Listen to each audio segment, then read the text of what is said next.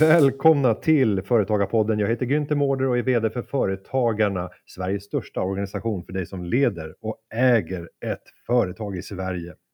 Hur kan en innovativ svensk teknik ligga till grund för ett av våra minst kanske kända miljardbolag? Och hur är det att konkurrera på den globala marknaden med jättar som Amazon och Microsoft? Det ska vi bland annat ta reda på i dagens avsnitt av Företagarpodden. Välkommen!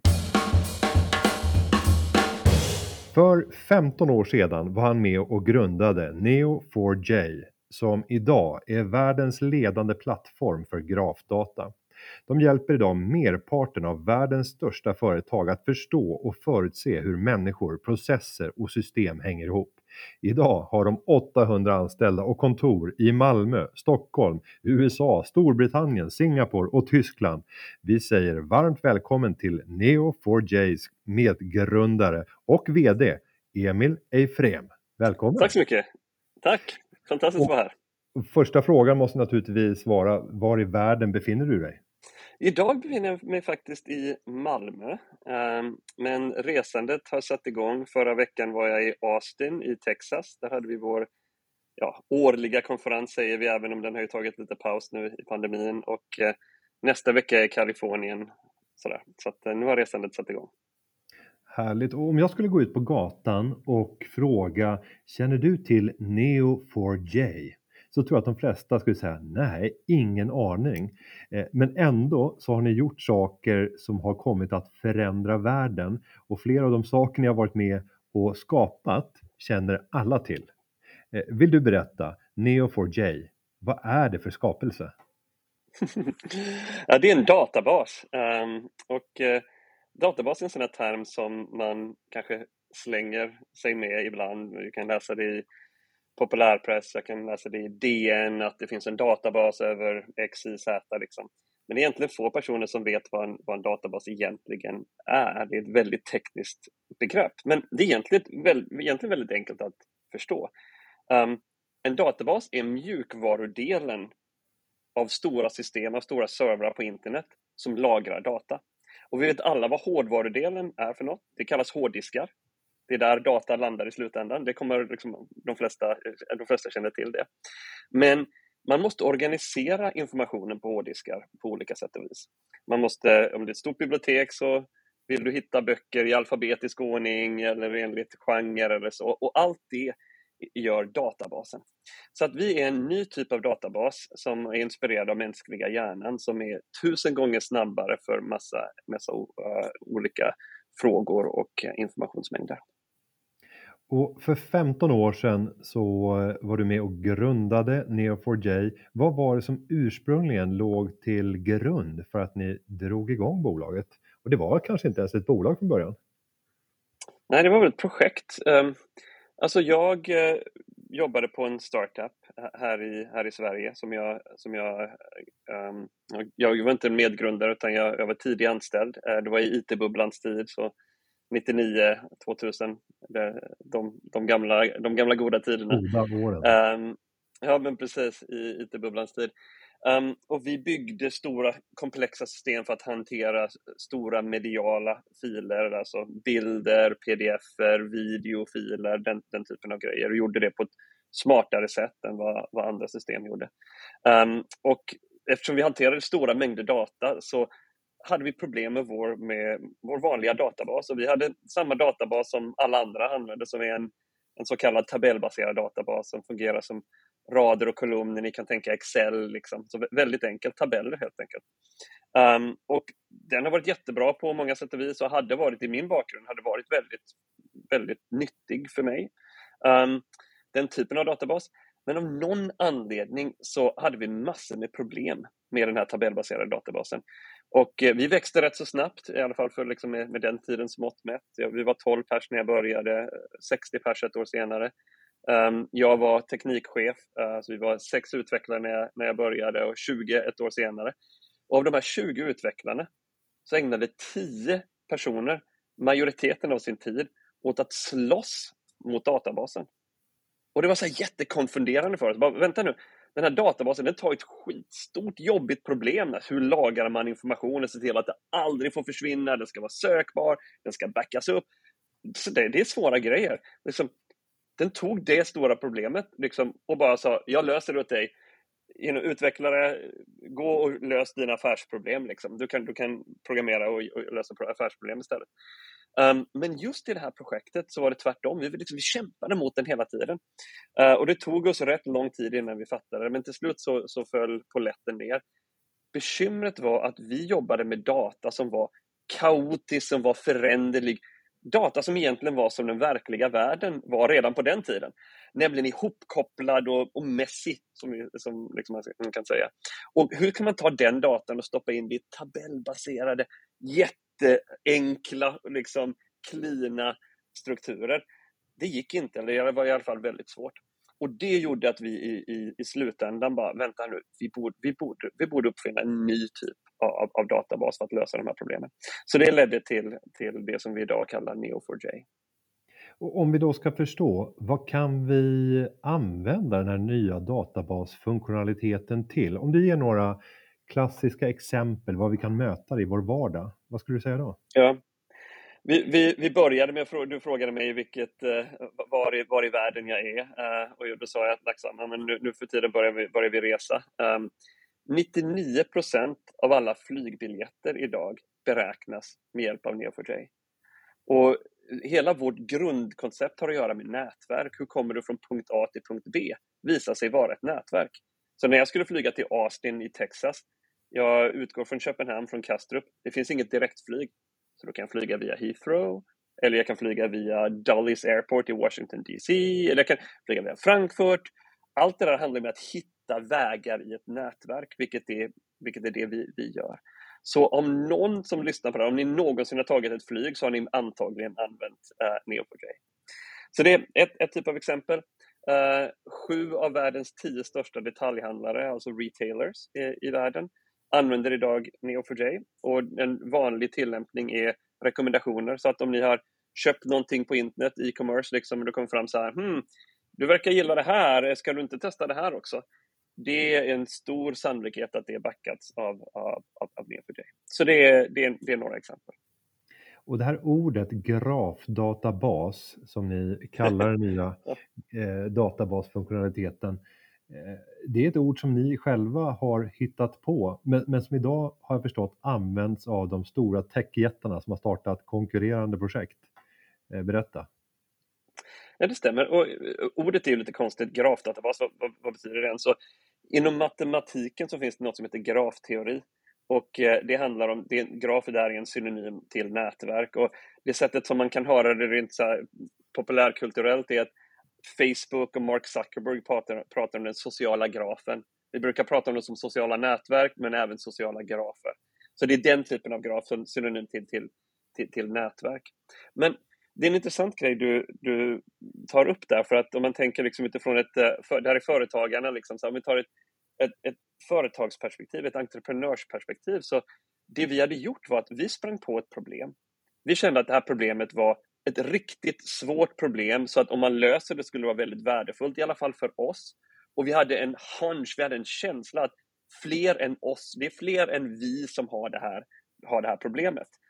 Um, vi löste problemet, vilket en story in and of itself. Det tog liksom många, många år för det är jättesvårt att bygga en databas visade sig och så vidare. Så Men när vi väl hade löst problemet, då hade vi den här plattformen, den här tekniken, den här uppfinningen.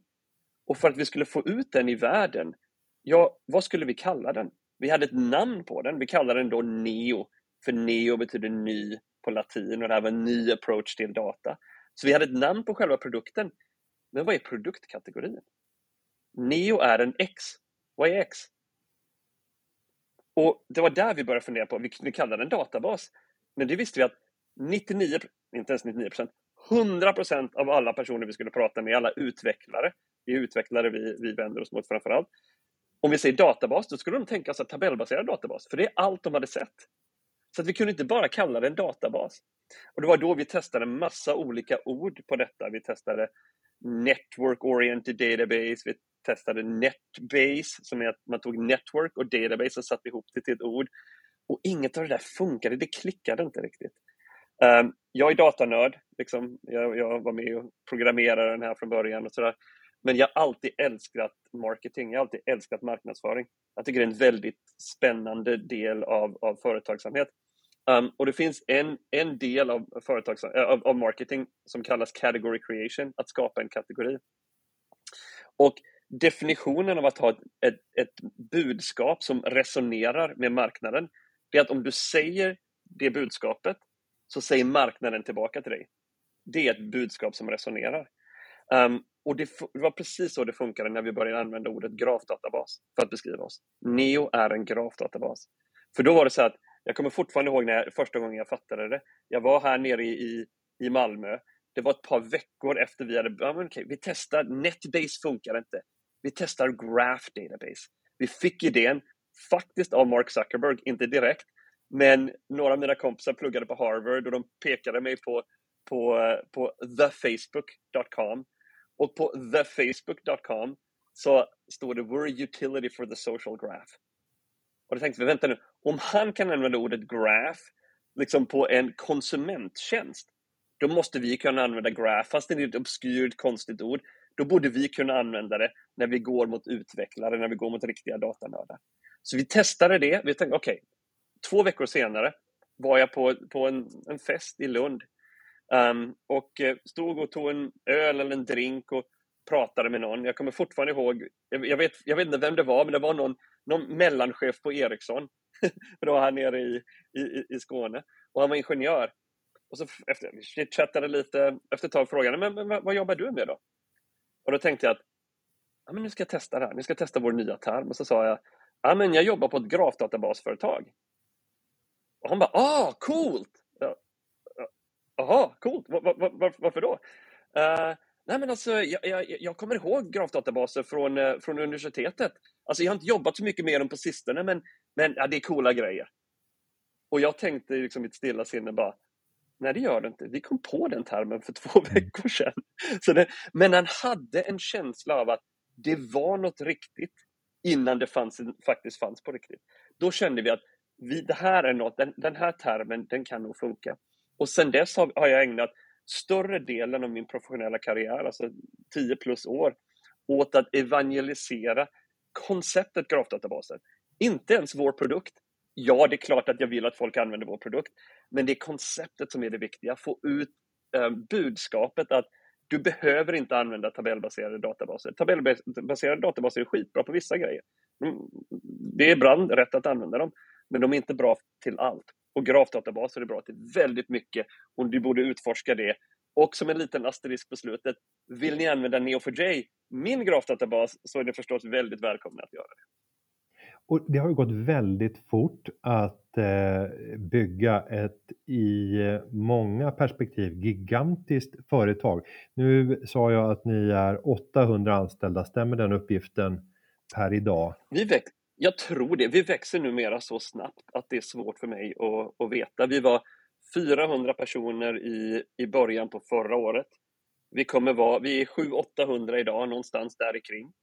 Vi kommer vara 11-1200 i slutet på nästa år. Så att det är liksom, det är tre helt olika bolag. Återigen, om det här är så här företagarpodden utifrån ett företagsbyggarperspektiv. Tänk liksom, hur leder man ett 400-personsbolag?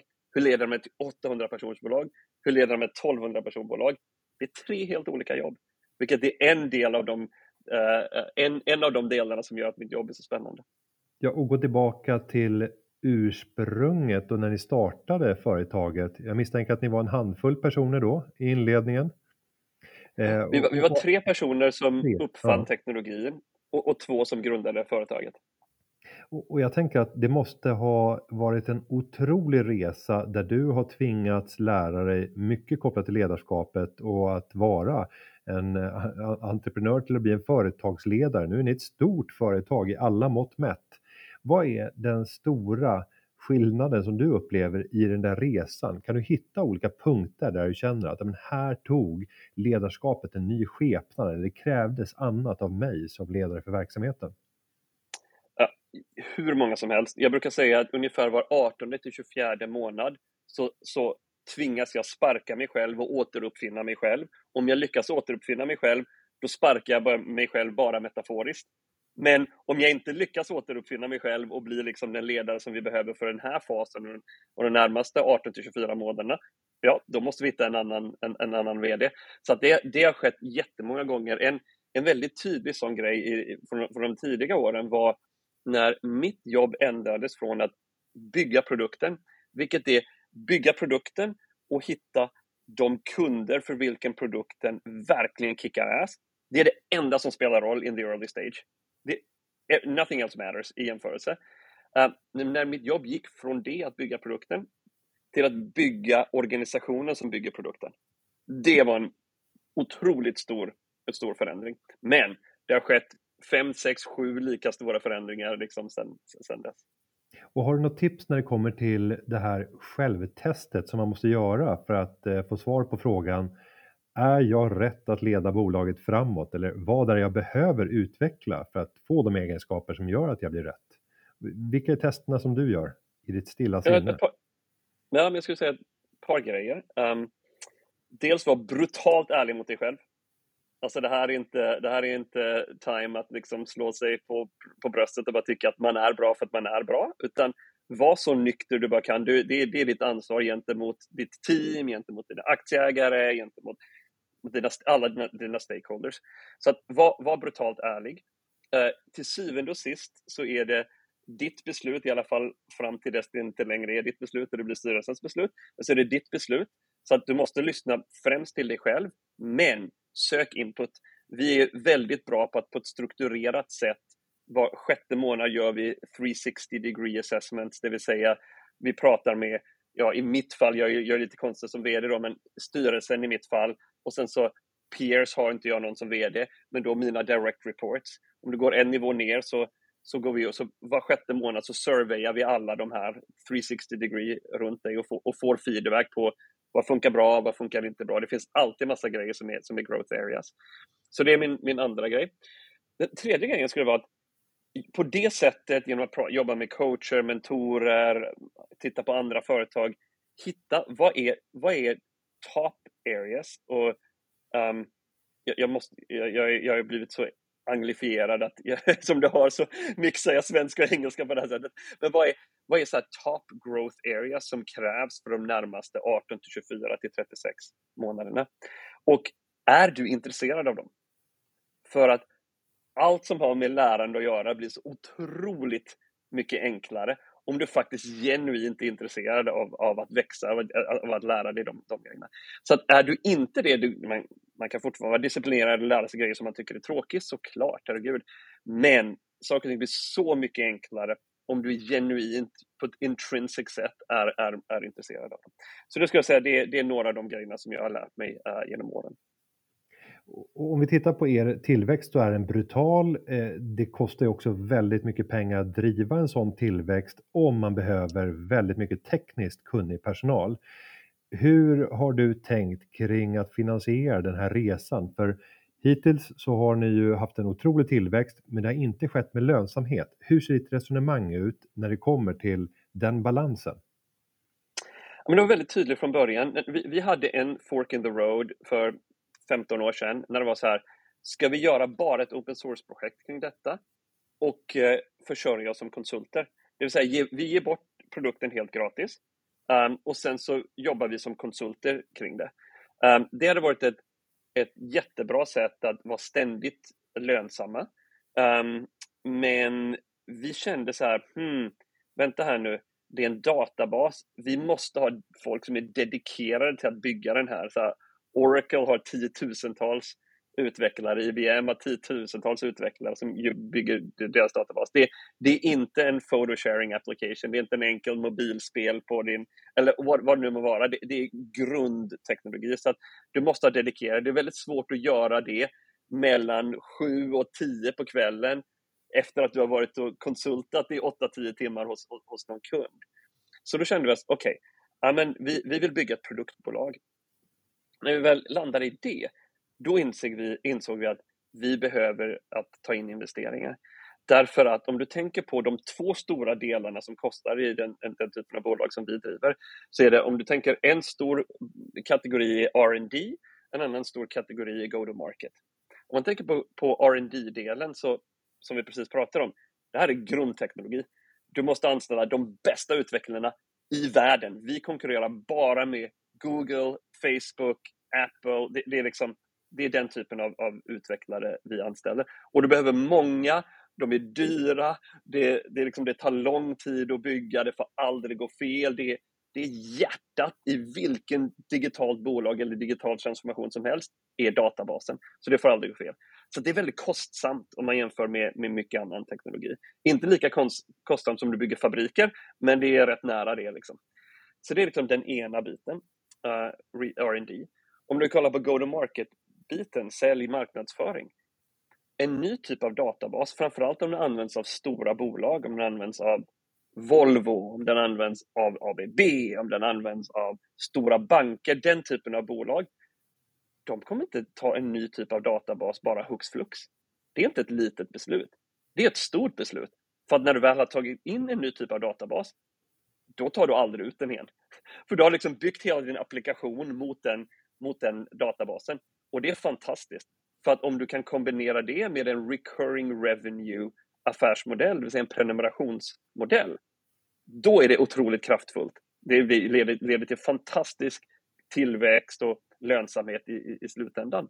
Men den här friktionen, att det är så svårt att kicka ut databasen, gör också att folk verkligen tänker efter innan de introducerar en ny, en ny typ av databas för att hålla kronjuvelerna för de flesta företag idag, vilket är deras data.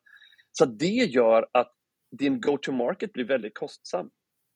Så när du lägger ihop båda de två grejerna, då inser du att wow, ett databasbolag, när du har uppnått stor skala, då kan det bli en otroligt lönsam affär. För att du har en, en gigantisk marknad. Det är faktiskt databasmarknaden den största marknaden i, i allt av Enterprise Software. Eh, så att det är en gigantisk marknad. Du säljer till stora bolag. De betalar dig hundratusentals dollar, för att inte säga miljontals dollar per år.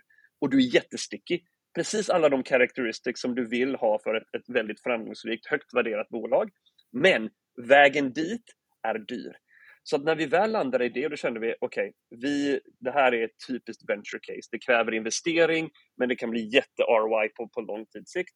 Och då bestämde vi oss för att ta in, ta in investerare. Och hur mycket kapital har ni rest fram till idag? Jag vet inte. Alltså vår förra runda var på strax under eh, 400 miljoner dollar. Uh, så jag tror vi har väl raceat 600-700, kanske 800 miljoner dollar, något sånt där. Och till senaste värderingen? Senaste värderingen var, vi, den var, den var eh, strax över 20 miljarder kronor. Mm. Vad, vad, vad, tänker du själv när du hör det beloppet? En värdering på 20 miljarder har den lyckats skapa. Eh, är det svindlande eller kan du ens relatera till det utifrån den där idén som ni fick 15 år sedan? Jag tänker inte så mycket utan jag hör en melodislinga i mitt huvud som börjar så här. Dum, dum, dum, da, da, da, dum. Dum, dum, dum, da, da, da, dum. Vilket är, uh, det, det, det är Queen, Under Pressure. Eh, så att det är väl lite, lite så jag tänker att eh, det är en hög värdering, men man ska leva upp till den bilden också. Samtidigt är det så att om vi lyckas, då har vi byggt ett av två, tre gigantiska databasbolag som håller på att växa, växa fram just nu. Och det, då pratar vi om att det är ju ett tiotals miljarder dollar i omsättning. Liksom den, det är den nivån om vi, om vi gör det här rätt. Så att utifrån det perspektivet, att få 20 miljarder kronor eller 2 miljarder dollar, jag, jag matchar lite olika valutor här, men det är ju en otroligt liten del jämfört med potentialen i, i, i bolaget. Men sen när man möter konkurrens då, det gör ju alla företagare, men ni möter inte konkurrens från eh, vilka som helst. Amazon, Microsoft, visst har Oracle också gett sig in i det här fältet? Finns det ytterligare stora jättar som har blandat sig in i leken? Alla stora teknikjättar som säljer till företag har mm. idag en grafdatabas med ett enda undantag och det är Google som är vår närmaste, närmaste partner. Så de har Neo4j som sin, som sin grafdatabas som de, som de säljer. Så att ja, hela, hela den stora teknikvärlden har numera lanserat en produkt av den kategorin som vi kom på här i, i Malmö, Västra hamnen för x antal år sedan. Och det måste ju kännas fantastiskt, men samtidigt, vilken enorm tävling som har brutit ut er emellan för att vinna den här infrastrukturmatchen som det kan komma att bli. Vad gör att ett eh, bolag grundat i Skåne av eh, tre stycken teknikgeeks kommer att vinna den här matchen mot de giganterna på andra sidan Atlanten? Ja, det är en bra fråga. Alltså, det är inte garanterat att vi kommer att vinna. Det är, liksom, det är därför vi alla eh, går till jobbet varje dag, för att framtiden är, är oviss och vi har möjlighet att, att, att påverka den. Vi har ett antal strukturella eh, fördelar jämfört med alla de andra. En är vi har jobbat på tekniken minst fem år längre, ofta sju år längre än alla de andra. Så att bara rent rå produkt liksom, är den ljusår i, framför de, de, de andra konkurrenterna. Och då finns det alla som har drivit företag någon gång vet att den bästa produkten vinner inte alltid. Det finns hur många exempel på det, när den bästa produkten inte, inte vann i slutändan. Och det stämmer, men det är klart, allting blir lättare av att du har bäst produkt. så den, är liksom, den, den, den, den, den känns, ju, känns ju ändå som en, som en viktig del. Så det är den ena biten. Den andra biten, minst lika viktig, är att vi har störst utvecklarcommunity. Och det där är en, en intressant del av hur vi har valt att få ut den här produkten på marknaden, är att vi har släppt en version av vår produkt, open source, öppen källkod. Det vill säga, du kan gå till neo4j.com och du kan ladda ner produkten helt gratis utan att betala oss någonting. Du behöver inte ens skriva in ditt namn. Du kan bara gå dit och bara ladda ner den och så får du tillgång till den och så kan du köra. Och det gör att det har skapats en stor community av otroligt entusiastiska utvecklare. Jag nämnde att jag var i Austin, Texas eh, förra veckan på vår, vår konferens. Passionen, glöden, entusiasmen bland våra, vår community, inte bara kunder utan våra användare, den är helt otrolig. Och Det här är lite svårt att säga nu under pandemin, men före 2019, liksom det, det förra helåret innan, innan pandemin, då var det 500 events om Neo4j. 500 uh, meetups eller konferenspresentationer under 2019. Det vill säga, det är nästan två per arbetsdag. Och vi organiserade kanske 50 av dem, eller något sånt där, kanske 60-70. Resten var en person, en, en tjej i Jakarta som bara älskar det vi gör, så varje gång vi släpper en ny version av produkten, då kastar då, then she throws a meetup, då organiserar hon en meetup och pratar om det. En kille i Tokyo som gör samma sak, så fort vi släpper en ny case study, ah, då, då ordnar han en meetup och, och, och vår inblandning är att vi pröjsar för pizza och öl, liksom, men, men, men, men inget mer än det. Så det är verkligen en, ett, det är en riktig revolution av en community där. Och det finns hundratusentals utvecklare som använder oss, så det är en störst community. Så den andra biten är en otroligt värdefull som en konkurrensfördel gentemot Amazon och Microsoft och Oracle. Och så den tredje, det här blir så väldigt så här teknikstrategiskt, men jag vet inte hur många som, hur liksom IT-orienterade lyssnarna är på podcasten, men det här skiftet till att köpa molntjänster eh, är ju otroligt, kanske den största trenden jämte AI eh, i, på, i hela techsektorn i, i, idag. Och eh, det är en utbredd trend där, där stora företag inte vill köpa molntjänster av enbart en leverantör. De skulle i teori kunna gå bara till Amazon och köpa allt från Amazon. Köpa maskiner, köpa tjänster, köpa he hela, hela kittet från Amazon, eller Microsoft, eller Google. Men de känner, vänta nu, det är alldeles för många ägg i en och samma korg. Jag vill istället köpa många av mina tjänster av den här, men jag kommer också köpa några tjänster från den här andra leverantören. Och det här kallas multi-cloud, det vill säga att jag använder flera molnleverantörer. Våra konkurrenters grafdatabaser kör ju naturligtvis bara på deras moln, på Microsofts moln, på Amazons moln. Medan vår tjänst kör ju på alla moln. Och det visar sig när jag pratar med CIOs på Global 2000, de 2000 största bolagen i världen, de älskar det. För då känner de, vänta nu, vad som än händer, om jag behöver flytta från Amazon till Microsoft eller, eller tvärtom, den jobbigaste delen är datan. Medan om jag köper databastjänsten från Neo4j och de kör på båda de här plattformarna, då har jag vunnit plattformsoberoende och det ger mig en mycket starkare förhandlingsposition gentemot mina leverantörer. Så tar du de tre grejerna, produkten är bättre, vi har störst utvecklingscommunity och den strukturella fördelen av att vi kan erbjuda multi-cloud, det gör att eh, jag känner att vi har en väldigt stark och bra position. Och nu ska jag säga redan innan att jag var inte tekniknörden i mitt kompisgäng.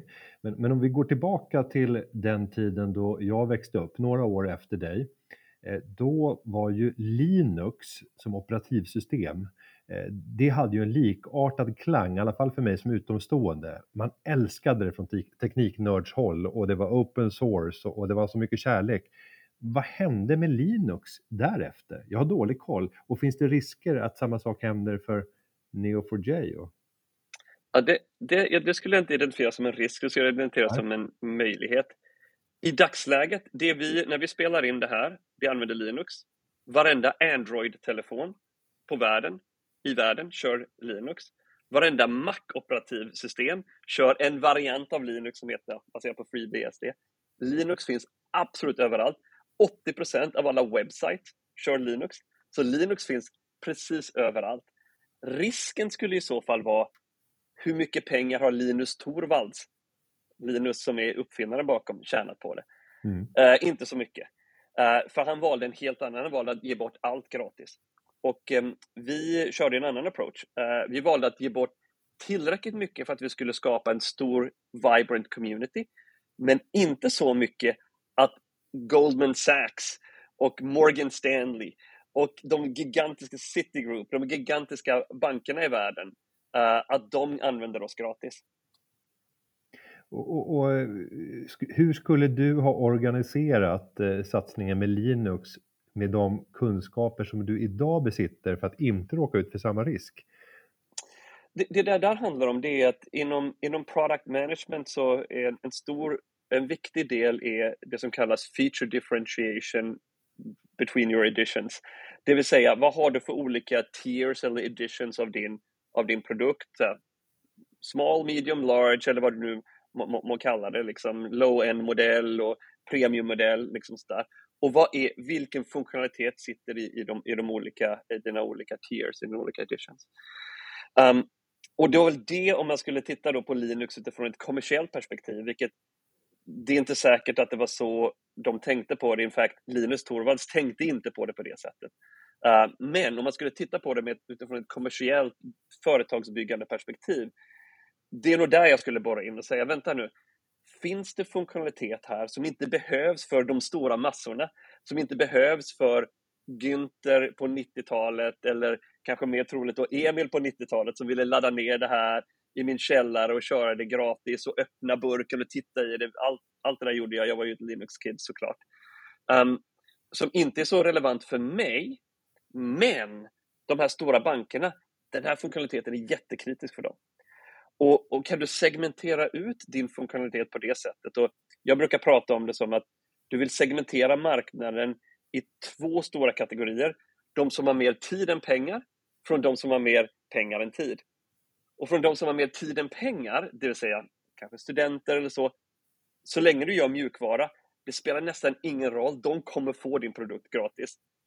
Utan att uh, on the record liksom säga för mycket, har jag hört att det fanns människor i min uppväxt som körde Microsoft, alla de här grejerna gratis också. Uh, jag har hört talas om det. Liksom. Ja, det är verkligen um, det bara var någon som berättade för mig. Um, därför att som student har man mer tid än pengar och det spelar ingen roll, då kan man få vad som helst gratis så länge det är mjukvara.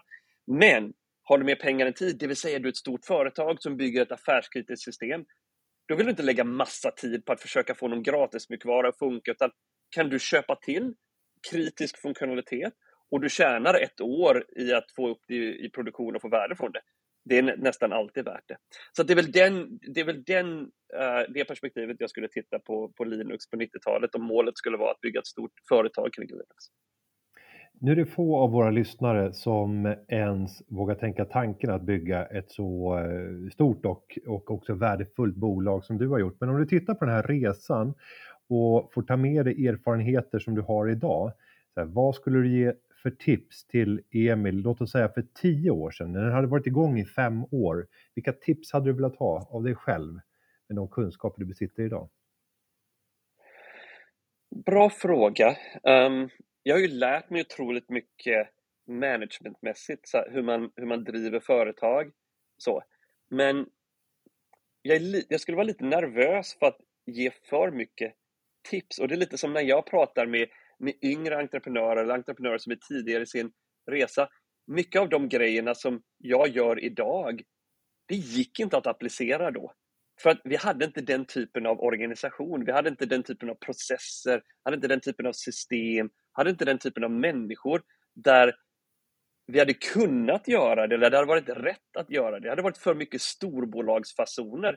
Det hade kväst den lilla, eller kvävt den, liksom, den flamman vi hade då som, som var det viktigaste, att hålla den flamman brinnande och, och ge den syra så att den skulle, skulle växa. Så jag skulle säga att om jag skulle få möjlighet att gå tillbaka, då hade jag nog gett eh, mig själv en, en strategi, ett strategitips.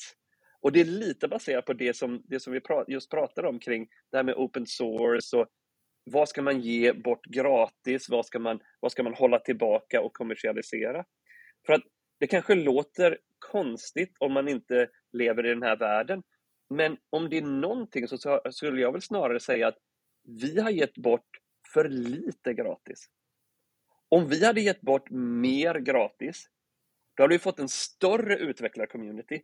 Då hade det inte varit hundratusentals utvecklare idag som den är, vilket såklart är jättestort. Men det kanske varit miljontals om vi hade gett bort ännu mer gratis. Och vi, vi konverterar en procent av dem till kunder. Och det är klart, ger man bort mer, då kanske hade konverteringsgraden hade sjunkit lite. Men jag har en väldigt stark känsla att storleken på communityn hade vuxit snabbare. Och det skapar även ett ännu starkare skydd. En, en vallgrav, man brukar prata om moat på engelska. En vallgrav kring, kring vår, vår, vårt företag mot konkurrenterna. Och det ser också till att få ut, få ut ordet, det vill säga få utvecklare i hela världen och numera data scientist som vi också vänder oss mot, att förstå att du kan använda grafer för att bygga fantastiska nya system. Så det är nog det, och det kan låta lite, lite konstigt. Jag skulle nog gå tillbaka tio år och säga, hör du Emil, eh, asbra att du har den här funktionaliteten och att du kan sälja den till stora företag. Men ge bort den, racea, lite, racea miljoner dollar till, det kan du. Och sen så kommer du om fem år, om tre år, om fem år, om tio år kommer du ha ett större, större och bättre bolag. Och är den här strategiska tanken någonting som verkligen färgar era beslut idag? För ni sitter och utvecklar ny funktionalitet hela tiden. Eh, är ni överdrivet generösa för att just bygga den här communityn ännu större? Jag skulle inte säga överdrivet generösa, men ja, vi investerar otroligt mycket i det. Jag kan ta ett exempel. Vi har lanserat en molntjänst nu som heter Aura, A-U-R-A, Aura, uh, Neo4j Aura. Um, där du kan, idag kan du, in, jag, jag, nämnde förut att du kan gå till neo4j.com och du kan ladda ner produkten helt gratis och så. Här. Du kan också gå till neo4j.com aura och sen kan du signa upp på, vi har ett free tier. På samma sätt som du kan använda kanske, vad ska jag ta för exempel, Gmail eller något sånt där. Helt gratis upp till en viss, en viss begränsning. Vi investerar otroligt mycket i det där. För att vi vet att ja, när Günther sitter och bygger på, på helgen sin eh, liksom hobbyapplikation för att hålla koll på böcker eller på din familj eller liksom bara någon sån här enkel, enkel grej. Du kommer inte betala oss och du skulle inte ha någon budget för det ändå, för det är bara en hobbygrej liksom. Så, och det kan du göra i vårt free tier.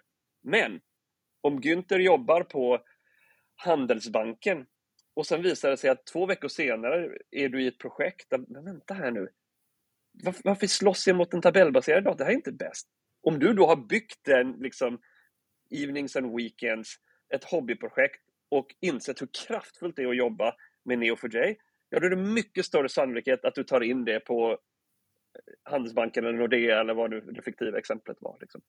Uh, så, att, så att därför investerar vi väldigt mycket i att, att, att bygga den här communityn och, och som du säger, vara överdrivet generösa, ge bort så mycket vi kan uh, gratis. Om vi tittar på företag som når en eh, snabbt en hög värdering så brukar det vara ganska frestande att börja förvärva andra bolag med spännande tekniker som kan komplettera ens egen business. Har ni gjort några förvärv genom åren? Inte ett enda. Men om du och jag pratar igen om 18 månader, 24 månader, då hoppas jag att jag skulle besvara det annorlunda. Jag tror att vi har kommit till ett stadie just nu där det är otroligt intressant för oss att, att göra förvärv. Um, vi, är, vi är högt värderade, vi har gott om pengar. Eh, vi har en organisation som kan ta till sig nya produktområden. För, för tre år sedan var vi ett one product company, vi hade en produkt. Idag har vi en hel plattform som, där det finns ett antal olika delar som vi skulle kunna bygga själva, som vi kommer bygga själva, eh, för att vi är bra på att bygga. Men om jag kan köpa tid genom att, att köpa ett bolag som redan har byggt någon liknande produkt eller 80% av en produkt, Ehm, så är det otroligt, eh, otroligt intressant. Det är också så att ehm, såklart, nu spelar vi in det här i juni 2022 och eh, makroekonomin är ju otroligt skakig just nu och multiplar ehm, kanske inte, inte uteslutande på något sätt. Hela, hela makro är ju väldigt skakigt och går ner, men framför allt tillväxtbolag och teknikbolag eh, tankar ju liksom på, på, på många sätt och vis. Vilket gör att jag tror att det kommer finnas många bolag som behöver se över okej, okay, vad ska jag göra rent strategiskt här? Jag skulle kunna försöka ta in ny investering, men kan det vara tufft? Jag kan få, kanske inte få den värdering jag vill. Jag kanske ska gå samman med något, med något större bolag. Uh, så att det, jag, jag tror att nu är en väldigt, väldigt uh, intressant tidpunkt för oss att förvärva bolag. Många av våra lyssnare avslutningsvis är också börsintresserade och gillar att investera i spännande bolag. Kommer man som vanlig sparare att kunna investera i Neo4j i framtiden? Det vill säga, tänker ni tanken börsnotering? Ja, i, i slutändan så är jag väldigt övertygad um, om, om det. Um, och det är, inte, det är inte ett mål för mig uh, att, uh, att vara på börsen, utan målet är att bygga ett stort oberoende bolag. Um, och för att kunna göra det så måste man vara börsnoterat. Så, for, så länge man tagit in investering, då måste man ge dem likviditet på, på, på sin investering, på, på sina aktier. Um, och det innebär att antingen sälja bolaget, och då är man inte längre oberoende, utan då, sitter man, då är man en avdelning i, i ett annat större bolag. Um, eller så börsnoteras man och då har man möjlighet att, att fortsätta vara ett oberoende bolag. Så att börsnotering är inte ett mål, det är ett medel för att uppnå det som är det större målet, nämligen att vara ett oberoende bolag. Och det i sin tur är för att vi, jag tror att vi kan ha en fantastisk impact, en fantastisk positiv påverkan på världen om vi får fortsätta vara ett oberoende bolag. Emil, jag vill säga stort tack för att du deltog i Företagarpodden. Många tack inte. Och eh, jag ska säga att podden är som vanligt klippt av Petra Cho och underlaget är gjort av David Hagen. Vi hörs igen nästa vecka. Tack och adjö.